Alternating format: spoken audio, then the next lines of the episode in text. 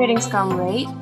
Pada kesempatan kali ini kita dari Adacast mau membahas yang menarik. Apa tuh?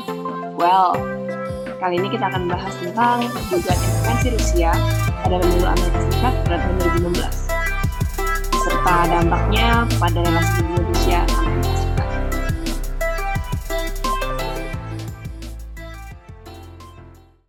Kali ini aku kedatangan dua bintang tamu spesial.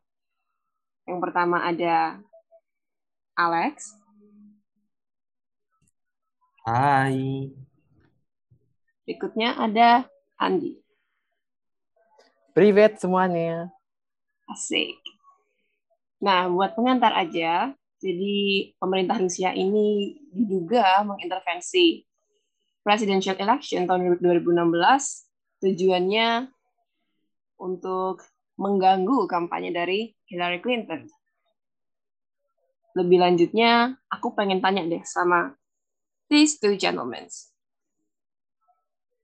Pertanyaan pertama dari aku, kenapa nih kira-kira Rusia sampai dituduh? Sebelum kita membahas mengenai tuduhan Amerika Serikat terhadap Rusia, perlu kita pahami terlebih dahulu salah satu dokumen penting Amerika Serikat mengenai potensi-potensi musuhnya, yaitu NSC 68. Dalam NSC 68 ini, pemerintah Amerika Serikat mengklasifikasikan beberapa negara sebagai ancaman karena mengadopsi paham komunisme, termasuk Uni Soviet pada saat itu. Meskipun NSC 68 ini merupakan dokumen yang dibuat pada masa pemerintahan Presiden Truman, dokumen ini masih tetap berlanjut hingga saat ini terkait usabilitasnya. Jika kita lihat lebih lanjut, Rusia dikategorikan Amerika Serikat sebagai ancaman karena paham-pahamnya kontra dengan semangat demokrasi yang dibawakan oleh Amerika Serikat serta aliansinya. Terlebih pada kekuatan masif dari tentara cyber yang dimiliki oleh Rusia yang terdapat dalam GRU dan berbagai lembaga intelijensi lainnya. Selain itu, Rusia juga memiliki kekhawatiran bahwa jika presiden terpilih adalah Ibu Hillary Clinton, akan terjadi setback dalam pemerintahan Rusia, yaitu mengenai probabilitas tinggi akan adanya ancaman terkait depresi ekonomi di tahun 1990-an. Serta dalam berbagai kampanye, terdapat optimisme jika tengah terpilih sebagai presiden karena nilai-nilai yang dibawakan cenderung lebih solutif dan optimis bagi relasi Rusia dan Amerika Serikat di masa akan datang. Nah, kalau gitu nih, sebagai pertanyaan lanjutan, kira-kira bagaimana strategi Rusia yang berdasarkan pandangan Amerika Serikat digunakan untuk mengintervensi pemilu di Amerika Serikat tahun 2016 itu? Jadi dalam prakteknya terdapat dua lembaga yang paling berperan penting dalam proses pengambil alihan di pemilihan umum Amerika Serikat, yaitu yang pertama ada AIRA. Nah, AIRA sendiri ini merupakan akronim dari Internet Research Agency, yaitu suatu organisasi Rusia didukung oleh Sigosin dan ikut mengendalikan beberapa sub perusahaan termasuk Concord Management, serta consulting dan Concord Catering. Semuanya dalam bentuk Concord ya. Jadi, cara lebih lanjutnya, AIRA ini seperti tentara buzzer, yaitu dengan mempunyai lebih dari 470 akun Facebook yang dapat diketahui dan dapat mengontrol lebih dari 80 ribu postingan di Facebook itu mulai bulan Januari 2015 sampai bulan Agustus 2017. Selain itu juga, karena Amerika Serikat ini sangat tertarik dengan Twitter, akhirnya tentu saja menggunakan teknologi Twitter itu. Menurut penelitian, berdasarkan report dari Senat dan Departemen Keadilan dari Amerika Serikat, Twitter memperkirakan bahwa Aira mempunyai lebih dari 3.800 akun serta menciptakan lebih dari 1,4 juta postingan yang secara tidak langsung maupun langsung telah mempengaruhi persepsi Amerika Serikat, terutama masyarakatnya terkait konsep pemilihan presiden ini. Selain itu juga kita perlu ingat bahwa Jung, yaitu beberapa lembaga intelijen di Rusia mempunyai dua sistem, yaitu Jungu Unit 26165 dan Jungu Unit 74455. Nah, perbedaannya adalah dalam jungu unit ke-26165 ini berfokus pada penciptaan malware atau virus komputer yang bertargetkan antara lain militer, pemerintahan, serta lembaga-lembaga non-pemerintah di luar Rusia, terutama di Amerika Serikat. Unit 26165 ini juga mempunyai beberapa opsi. Selain menciptakan malware atau software yang bersifat seperti virus tadi, mereka juga menciptakan phishing, yaitu pengubahan tampilan untuk meraih sekelumit info penting seperti username dan password login dan lain sebagainya. Selain itu, terdapat pula Jungo Unit 74455 yang fokusnya lebih khusus pada operasi cyber.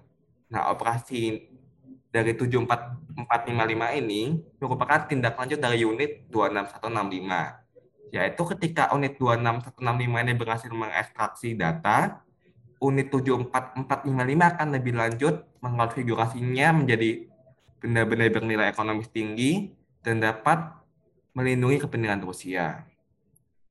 Alright, jadi kalau dilihat-lihat ini yang terlibat jadi ada pihak ketiga yang terlibat ya, atau bahkan malah banyak pihak. Um, kalau gitu, kira-kira siapa sih dalam asli dari kejadian ini? Terus uh, selanjutnya juga kalau misalnya ada dalang, pasti ada bukti yang dijadikan dasar pemberian title dalang itu sendiri. Apa sih bukti bahwa Rusia itu benar-benar mengintervensi pemilu? Kalau dilihat dari laporan Senat, sistem benang merahnya dapat kita lihat dari kepala bidang kampanye dari Trump itu Paul Manafort terkait dengan relasinya dengan salah satu agen intelijen yaitu Konstantin Ilimnik terutama di bidang data polling serta bagaimana Trump berhasil menciptakan berbagai pemberitaan yang bombastis di bidang media terkait um, minatnya dalam memperbaiki hubungan dengan Rusia. Selain itu juga, kita juga lihat bahwa Trump berhasil menggunakan opportunity yang dia miliki melalui laporan di Wikileaks. Ketika laporan Wikileaks ini keluar 30 menit setelah tampil di salah satu media US, dia yang paling pertama mengabarkannya.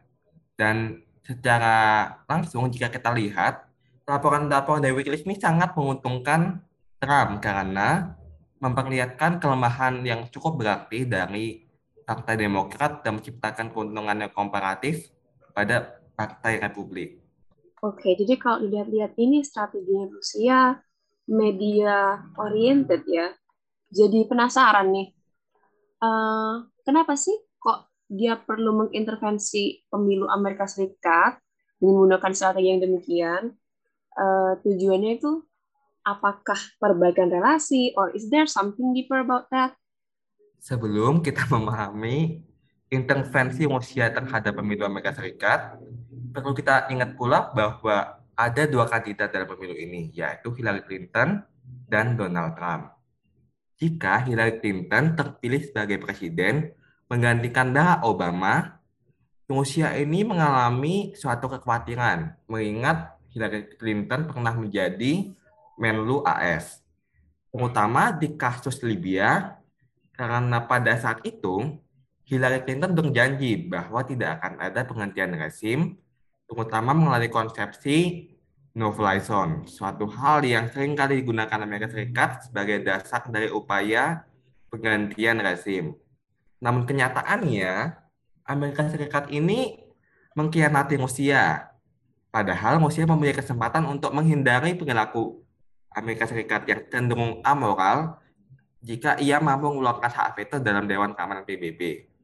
Nah, oleh karena itu, jika Rusia menghadapi Hillary Clinton sebagai potus yang baru, akan timbul kekhawatiran bahwa hal yang terjadi di Libya ini dapat terjadi di negara-negara lain, terutama di Suriah. Karena kita ingat pula bahwa Rusia mempunyai kepentingan yang cukup penting di Syria serta Timur Tengah. Selain juga, kebanyakan petinggi politik di Rusia menganggap Hillary Clinton sebagai musuh abadi di bidang politik. Karena dibandingkan Donald Trump, beliau cenderung lebih frontal dalam menganggap Rusia sebagai kaum yang misoginis, ultra kanan, dan lain sebagainya.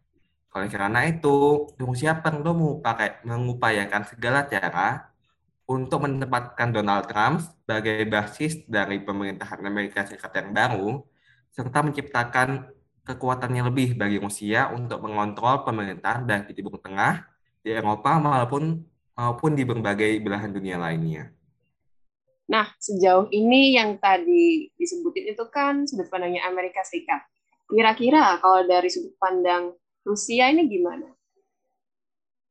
Pertama, apakah ada respons atau pembelaan or justification dari pemerintah, organisasi atau masyarakat tentang isu uh, dugaan intervensi ini?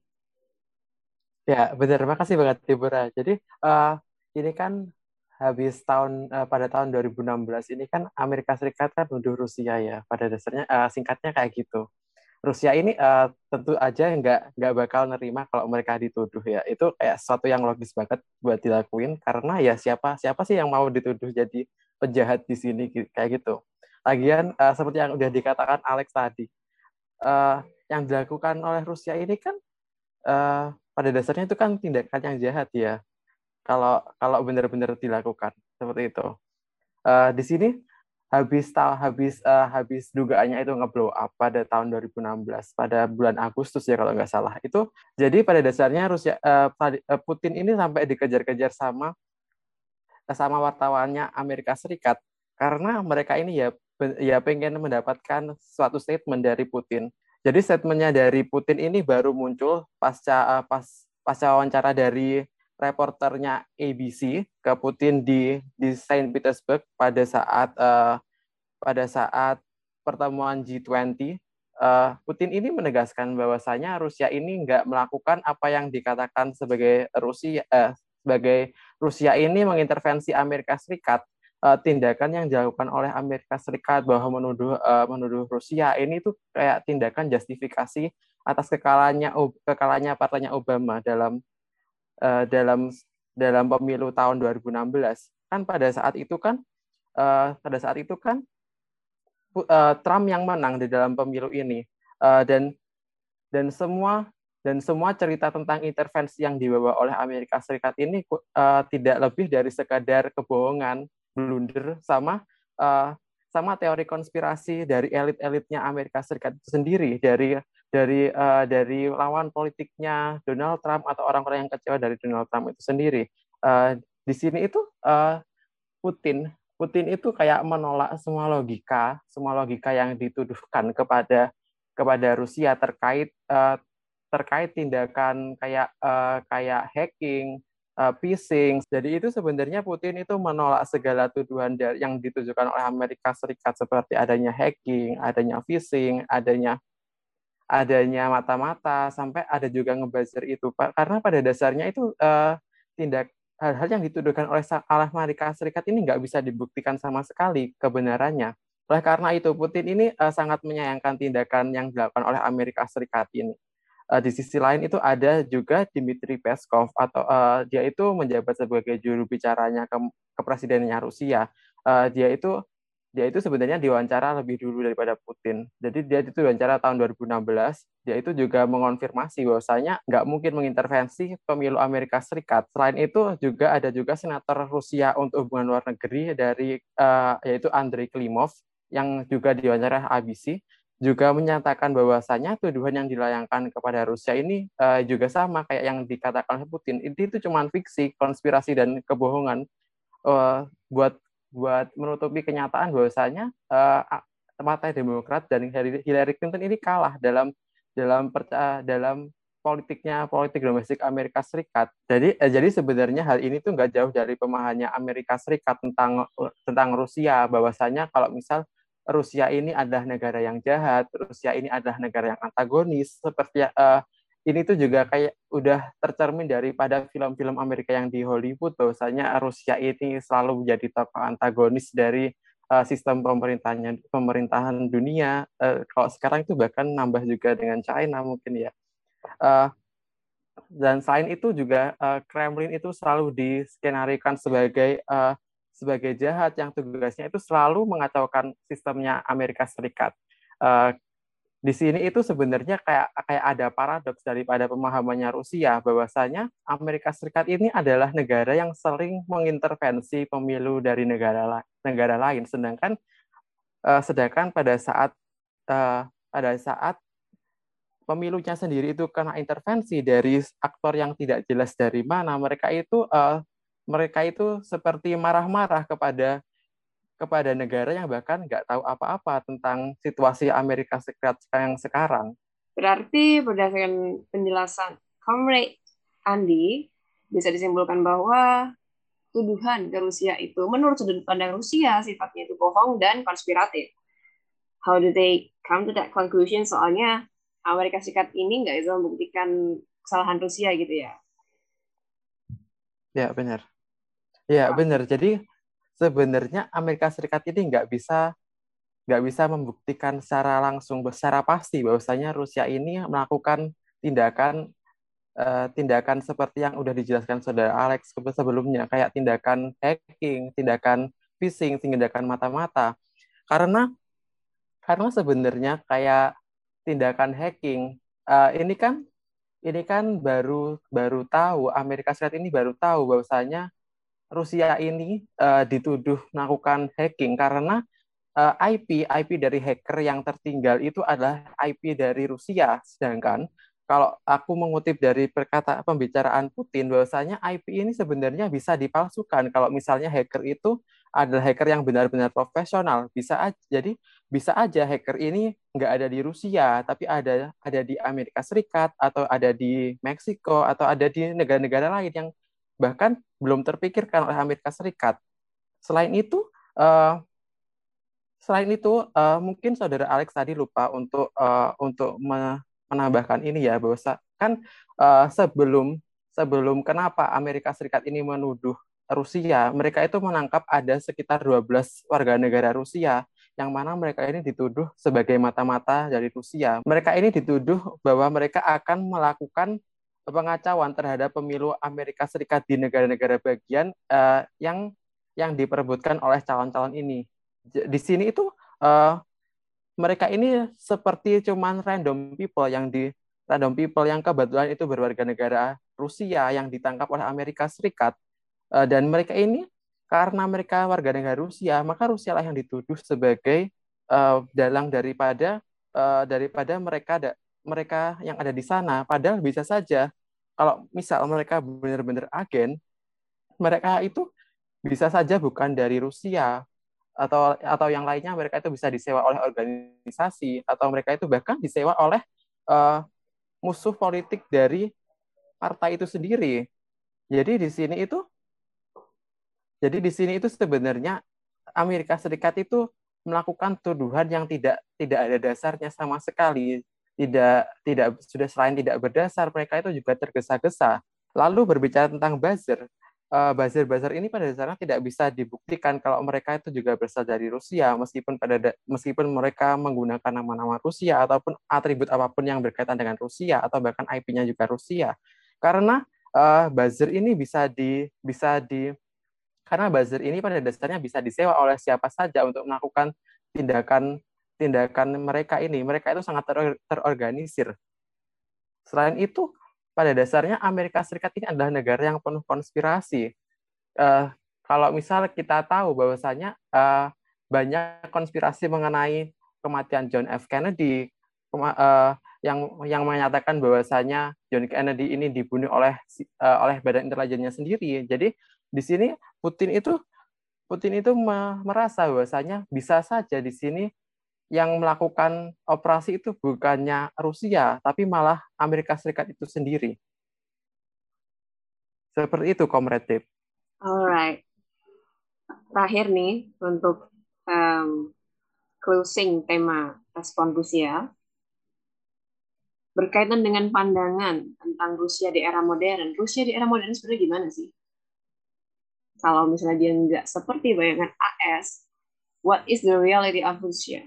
Nah, sebenarnya ini adalah pertanyaan yang menarik ya, karena uh, karena sejauh yang kita tahu uh, pandangan Amerika Serikat ke Rusia ini penuh dengan stereotip uh, tentang perang dingin. Jadi sebenarnya Rusia ini adalah kalau mau kita katakan ini Rusia ini juga adalah negara yang udah berkembang, tidak tidak lagi sama seperti era-era perang dingin yang selalu uh, selalu dinarasikan secara negatif. Pada dasarnya uh, Rusia ini juga adalah negara yang menginginkan adanya kestabilan kestabilan terhadap di dunia, adanya Rusia ini juga pada dasarnya tidak ingin adanya uh, adanya intervensi antara negara satu dengan negara yang lain. Buktinya uh, buktinya adalah Rusia ini adalah negara yang sangat mendukung uh, adanya non intervensi kepada negara lain, terutama kepada kepentingan domestik. Jadi di sini itu sebenarnya kalau misal kita bilang Rusia ini melakukan intervensi, meskipun uh, itu tidak terbukti, tidak terbukti atau kita kalau mau atau bisa saja, tapi uh, tuduhan dari Amerika Serikat ini masih tetap saja kayak cacat logika dan yang dilakukan ini, yang dilakukan Amerika Serikat ini malah malah membuat hubungan antara Rusia dan Amerika Serikat semakin jauh. Bahkan kalau misalnya kita tahu hubungan Amerika Serikat dan Rusia ini uh, pada saat itu menjadi menjadi uh, menjadi turun hingga sampai ke titik yang sama di hampir sama seperti di masa perang dingin. Melanjutkan pembahasan mengenai hubungan antara Amerika sama Rusia. Kira-kira pengaruh dari saling tuduh menuduh ini loh hubungan diplomatik mereka itu gimana? Apakah um, ada prospek untuk perbaikan ke depannya atau well tell me what you think about it um, well ada dua sisi yang bisa kita lihat dari respon pemerintahan Obama yaitu pada saat terbaknya isu ini sampai kekalahan Hillary Clinton. Nah, kalau dari saat terbaknya ini, secara umum Obama masih menganggap remeh terkait sistem misinformasi yang diutarakan melalui trolling dan berbagai gangguan internet oleh bahasa Rusia. Selain juga dari salah satu juru bicara di Gedung Putih, yaitu John Ernest, mengatakan bahwa Presiden memang pernah bertukar email dengan Hillary Clinton, tetapi Presiden tidak menyadari penuh apakah email itu dikirimkan ke email resmi Hillary Clinton dalam kapasitas sebagai Menlu AS ataupun dalam email pribadinya yang disimpan di server yang dirilis oleh berbagai hacker Rusia kalau dalam upaya pemberian sanksi terdapat debat internal pada tahun 2016 akan isu ini. Seperti bagaimanakah isu ini akan diproses?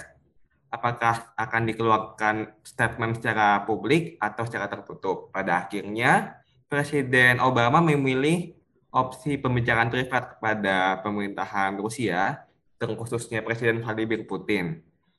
Pada saat terjadi summit pada tahun yang sama, Presiden Obama mengatakan bahwa Rusia perlu menghentikan intervensi dari sistem pemilu yang sedang terjadi di AS untuk menghindari kerusuhan yang berarti di masa akan datang. Selain itu juga, pemerintahan eksekutif Amerika Serikat juga meminta beberapa pemimpin di Kongres, baik dari Partai Republik maupun di Partai Demokrat, untuk menandatangani nota kesepahaman untuk mengutuk perilaku intervensi dari pemerintahan asing tersebut. Untuk Partai Demokrat sendiri, para, para pemimpinnya setuju untuk melakukan hal tersebut. Akan tetapi, salah satu anggota legislatif dari Partai Republik, yaitu Paul Ryan, mengatakan bahwa dia mungkin akan setuju atas statement tersebut, akan tetapi hal tersebut ditolak mentah-mentah oleh pemimpin mayoritas dari Partai Republik di Senat yaitu Mitch McConnell yang tidak setuju dan menyebabkan tidak adanya statement yang dikeluarkan pada masyarakat Amerika Serikat hingga pada bulan Oktober 2016 yang dirasakan oleh mayoritas pengamat sebagai tindakan yang sangat lambat dan menyebabkan Amerika Serikat tidak memiliki peran yang berarti dalam konteks intervensi ini. Setelah itu, pada saat Hillary Clinton kalah, Presiden Obama segera mengadakan konferensi yang kembali mengulang perkataan di summit yang telah dilakukan pada bulan September 2016 yaitu untuk menghentikan dengan segera segala tindakan intervensi ini baik di tahun ini maupun pada kemungkinan-kemungkinan di tahun yang akan datang serta memperingati Rusia bahwa akan ada konsekuensi jika Rusia tetap melakukan tindakan yang tidak terpuji ini. Selain itu, meskipun tidak terdapat feedback dari Rusia terkait ancaman tersebut, upaya terkait kasus kebocoran email dari Hillary Clinton ini sangat memalukan bagi Presiden Obama serta Partai Demokrat dalam titik-titik kritis terkait upaya kampanyenya. Dalam konteks Hillary kalah ini, Obama memulai praktik investigasi yang memicu aksi pada tahun 2016, tepat di bulan Desember, serta bulan Januari 2017, terkait beberapa sanksi yang diberikan kepada Rusia oleh Amerika Serikat. Hal ini dapat kita lihat melalui kasus yaitu pengusiran 35 diplomat Rusia di Washington dan San Francisco, serta pengusiran diplomat dalam nada kutip terkait aktor-aktor yang dirasa memiliki kepentingan dalam intervensi elektronik di Amerika Serikat. Selain itu juga terdapat wacana untuk mengadakan serangan cyber balasan. Meskipun demikian, pemerintahan Obama pada akhirnya tidak melakukan hal tersebut karena Amerika Serikat sendiri sangat terancam jika terjadi serangan cyber itu. Seperti yang dapat kita lihat melalui eskalasi dengan Rusia ini, Amerika Serikat pada akhirnya menjadi pihak yang pecundang karena memiliki lebih banyak titik lemah dibanding kemampuan-kemampuan dimiliki oleh Rusia. Nice insight ya, Comrade Alex. Kira-kira kalau dari Comrade Andi, apakah ada tambahan?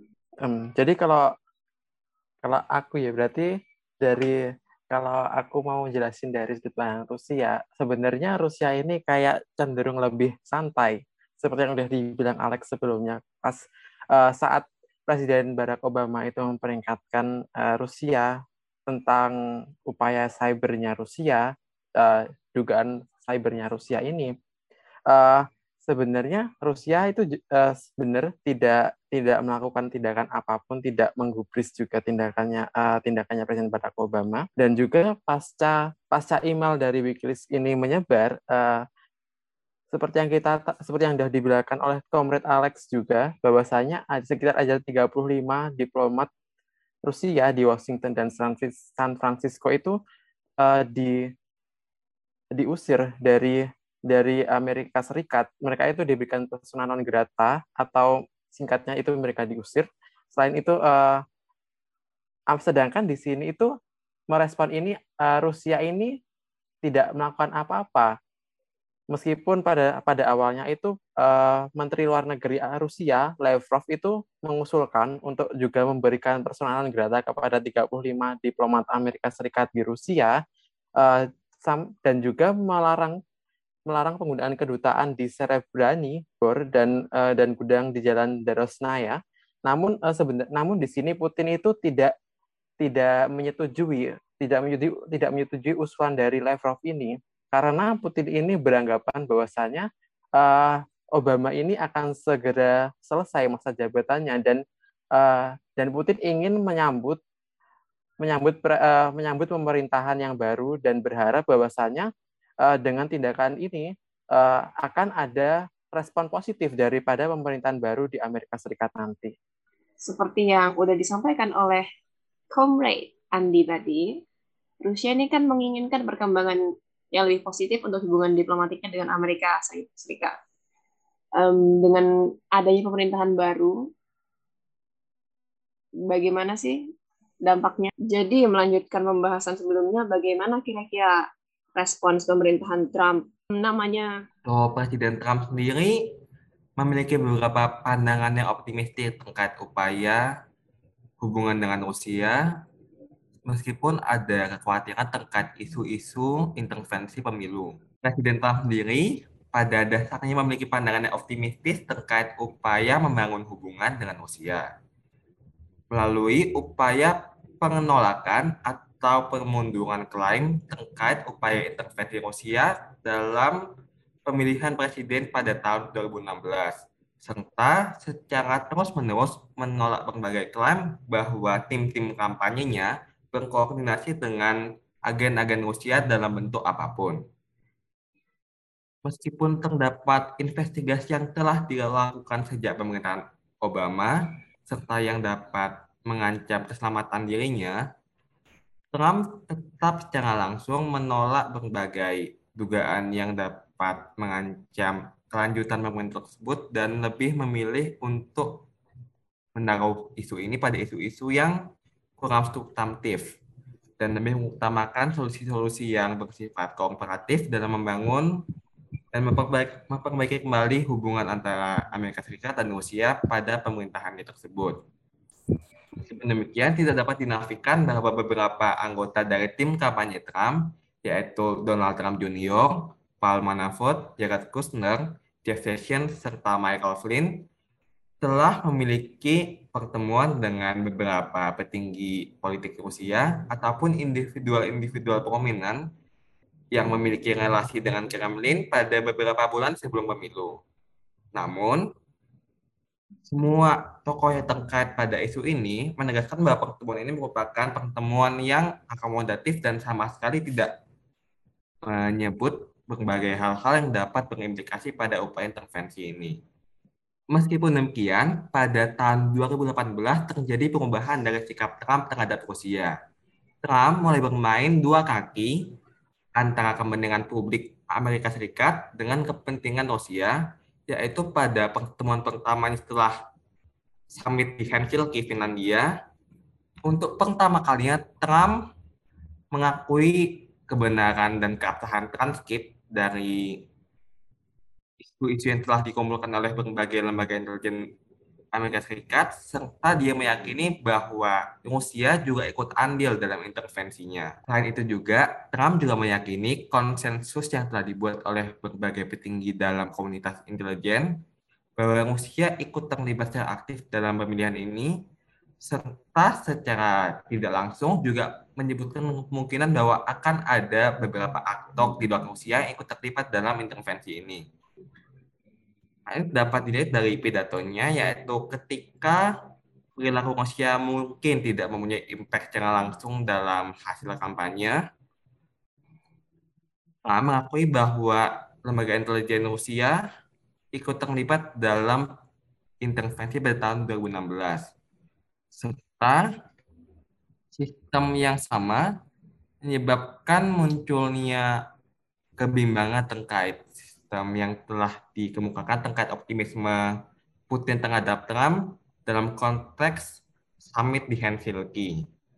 Soalnya, upaya Trump yang kontroversial ini dikemukakan persis 24 jam setelah summit tersebut, sehingga banyak pengamat serta masyarakat menjadi bingung apakah Trump ini akan pro terhadap Rusia seperti yang dikemukakan Rusia pada masa-masa lampau atau Trump akan menciptakan dinamika baru terkait isu-isu terkait relasi Rusia dan Amerika Serikat baik di masa kepemimpinannya maupun di masa-masa akan datang dan dapat pula mengulang ketakutan Rusia akan munculnya aktor-aktor Amerika Serikat yang problematik seperti Hillary Clinton. Tadi kan kita udah dengar dari sisinya Amerika.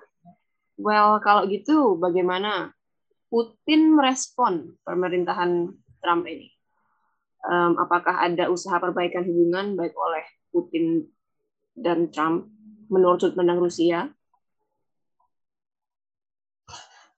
Jadi pada awalnya Putin Putin dan Rusia ini menyambut sangat baik pemerintahan Trump karena pemerintahan Trump ini dianggap sebagai babak baru dan ada harapan bahwa bahwasanya hubungan bilateral antara Amerika Serikat dan Rusia ini akan membaik. Putin juga menjadi pemimpin dunia yang pertama yang memberi selamat kepada Trump melalui sambungan telepon. Kemenangan Trump ini juga banyak dirayakan oleh beberapa orang di Rusia sebagai salah satu tanda adanya masa depan yang lebih baik. Sebenarnya sudut pandang Trump berbe uh, sudut pandang Trump ini dianggap berbeda daripada Clinton kemenangan Trump ini dianggap akan menyelamatkan dunia dari pemaksaan globalisasi dan liberalisasi Amerika Serikat ke seluruh dunia. Sehingga kemenangan Trump ini dianggap bukan hanya kemenangan Rusia, tapi kemenangan dunia secara global dari ancaman Amerika Serikat. Lalu, selain itu juga ada harapan bahwasanya Trump ini akan menepati janjinya untuk memberikan respon yang lebih positif terhadap kependudukan Rusia di Crimea. Sebenarnya pada saat Trump ini naik menjadi presiden Amerika Serikat, hubungan antara Amerika Serikat dan Rusia ini mencapai batas yang paling buruk sejak uh, sejak pasca perang perang dingin. Rusia uh, di sisi lain uh, kalau kita dengar dari komret komret Alex sebenarnya Trump ini seperti tidak memiliki intensi untuk memberi untuk mem, untuk memperbaiki hubungan antara Amerika Serikat dan Rusia. Sebenarnya banyak faktor mengapa Trump ini seperti tidak ada intensi untuk memperbaiki hubungannya Amerika Serikat dan Rusia. Karena karena Trump ini pada dasarnya terganjal oleh kepentingan domestik dan politik Amerika Serikat. Di sisi lain, Rusia ini juga tidak tidak banyak bergerak untuk memperbaiki kemerosotan tensi diplomatik antara Amerika Serikat dan Rusia. Sebenarnya menurut Menurut Rusia, keadaan diplomatik di Amerika Serikat pada saat itu yang dilanda sentimen anti-Rusia tidak akan memberikan manfaat pada Rusia dan tidak memberikan harapan akan uh, akan adanya hasil yang positif bila Rusia ini uh, ingin memperbaiki hubungannya dengan Amerika Serikat lebih dahulu. Meskipun pada dasarnya seperti yang seperti yang udah aku katakan sebelumnya Rusia ini mengharapkan adanya perbaikan hubungannya dengan Amerika Serikat. Uh, setelah uh, setelah setelah uh, setelah buruknya hubungan keduanya pasca uh, pasca kasus Crimea dan juga meskipun seperti yang sudah sudah aku katakan sebelumnya bahwasanya Rusia ini mengharapkan perbaikan hubungan dengan Amerika Serikat. Meskipun seperti yang udah aku sebutkan sebelumnya bahwasanya Rusia ini mengharapkan perbaikan hubungan dengan Amerika Serikat pasca uh, pasca adanya sanksi yang diberikan oleh Presiden Barack Obama, Putin sebenarnya beberapa kali memberikan sinyal positif kepada Trump seperti pemban seperti adanya bantuan pembantahan dalam skandal Trump di Moskow pada tahun 2013. Pada pertemuan selain itu ada juga pertemuan Trump dan Putin di Hamburg, Jerman. Eh, mereka terhitung dua kali melakukan pertemuan tertutup. Namun sayangnya pertemuan ini tidak menghasilkan uh, tidak menghasilkan apa pun yang yang memperbaiki hubungan antara Rusia dan Amerika Serikat. Seperti hubungan mereka hubungan antara Rusia dan Amerika Serikat ini tetap jalan di tempat. Lalu uh, lalu masalah ini ada sehingga hubungan antara Amerika Serikat dan Rusia ini uh, malah lebih turun lagi pada tahun 2017 ketika ketika ketika Amerika Serikat ini menegaskan tidak akan mendukung posisi Rusia di Crimea dan juga selain itu juga melanjutkan investigasi tentang dugaan intervensi Rusia serta yang paling berdampak itu adalah adanya sanksi yang sangat sangat uh, yang sangat ada sentimen anti Rusia yang mana isinya memberikan sanksi tambahan kepada Inner Cycle Putin dan tiga perusahaan Rusia atas dugaan intervensi pemilu Amerika Serikat ini, PON, dengan menarik perwakilan di misi diplomatik Rusia di San Francisco, menutup gudang di Drosnaya, dan memberikan personal non grata pada 755 diplomat Amerika Serikat di Rusia, sehingga diplomat Amerika Serikat di Rusia ini hanya tersisa 455 orang. Jumlah ini itu sama kayak jumlah diplomat yang Jumlah ini tuh ah, sama seperti jumlah diplomat Rusia yang ada di Amerika Serikat. Pada pertemuan keduanya di Helsinki pada tahun 2018, Trump ini menyatakan bahwasanya Rusia dan Amerika Serikat uh, tidak sedang pada uh, hubungan yang buruk, namun segera diralat lagi oleh Presiden Trump dengan menyatakan bahwasanya Presiden Trump bilang bahwasanya keduanya memiliki hubungan yang buruk dan dan seperti yang sudah dikatakan oleh Komrade Alex yang tadi, Trump ini memberikan uh, memberikan ucapan yang seperti memojokkan Rusia. Putin ini lalu merespon bahwasanya hubungan Amerika Serikat dan Rusia ini tidak sedang diusahakan karena karena ada permainan politik Amerika Serikat tadi.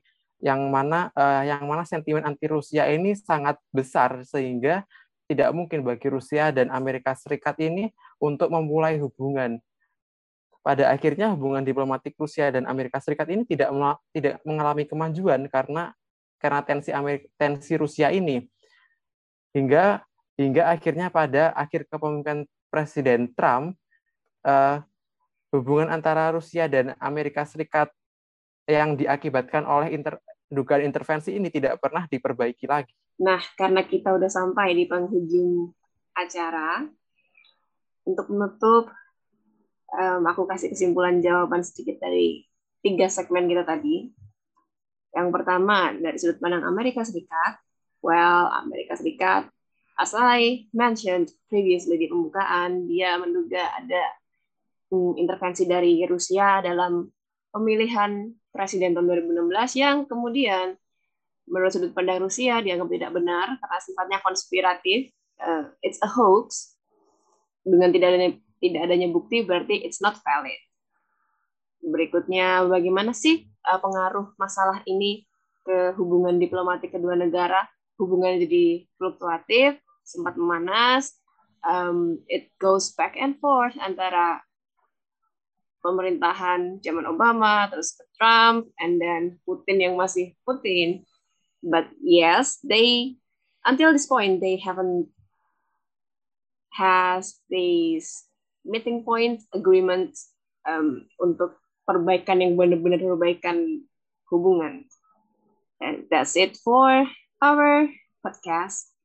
Terima kasih sudah mendengarkan ada cast yang isinya ada-ada aja.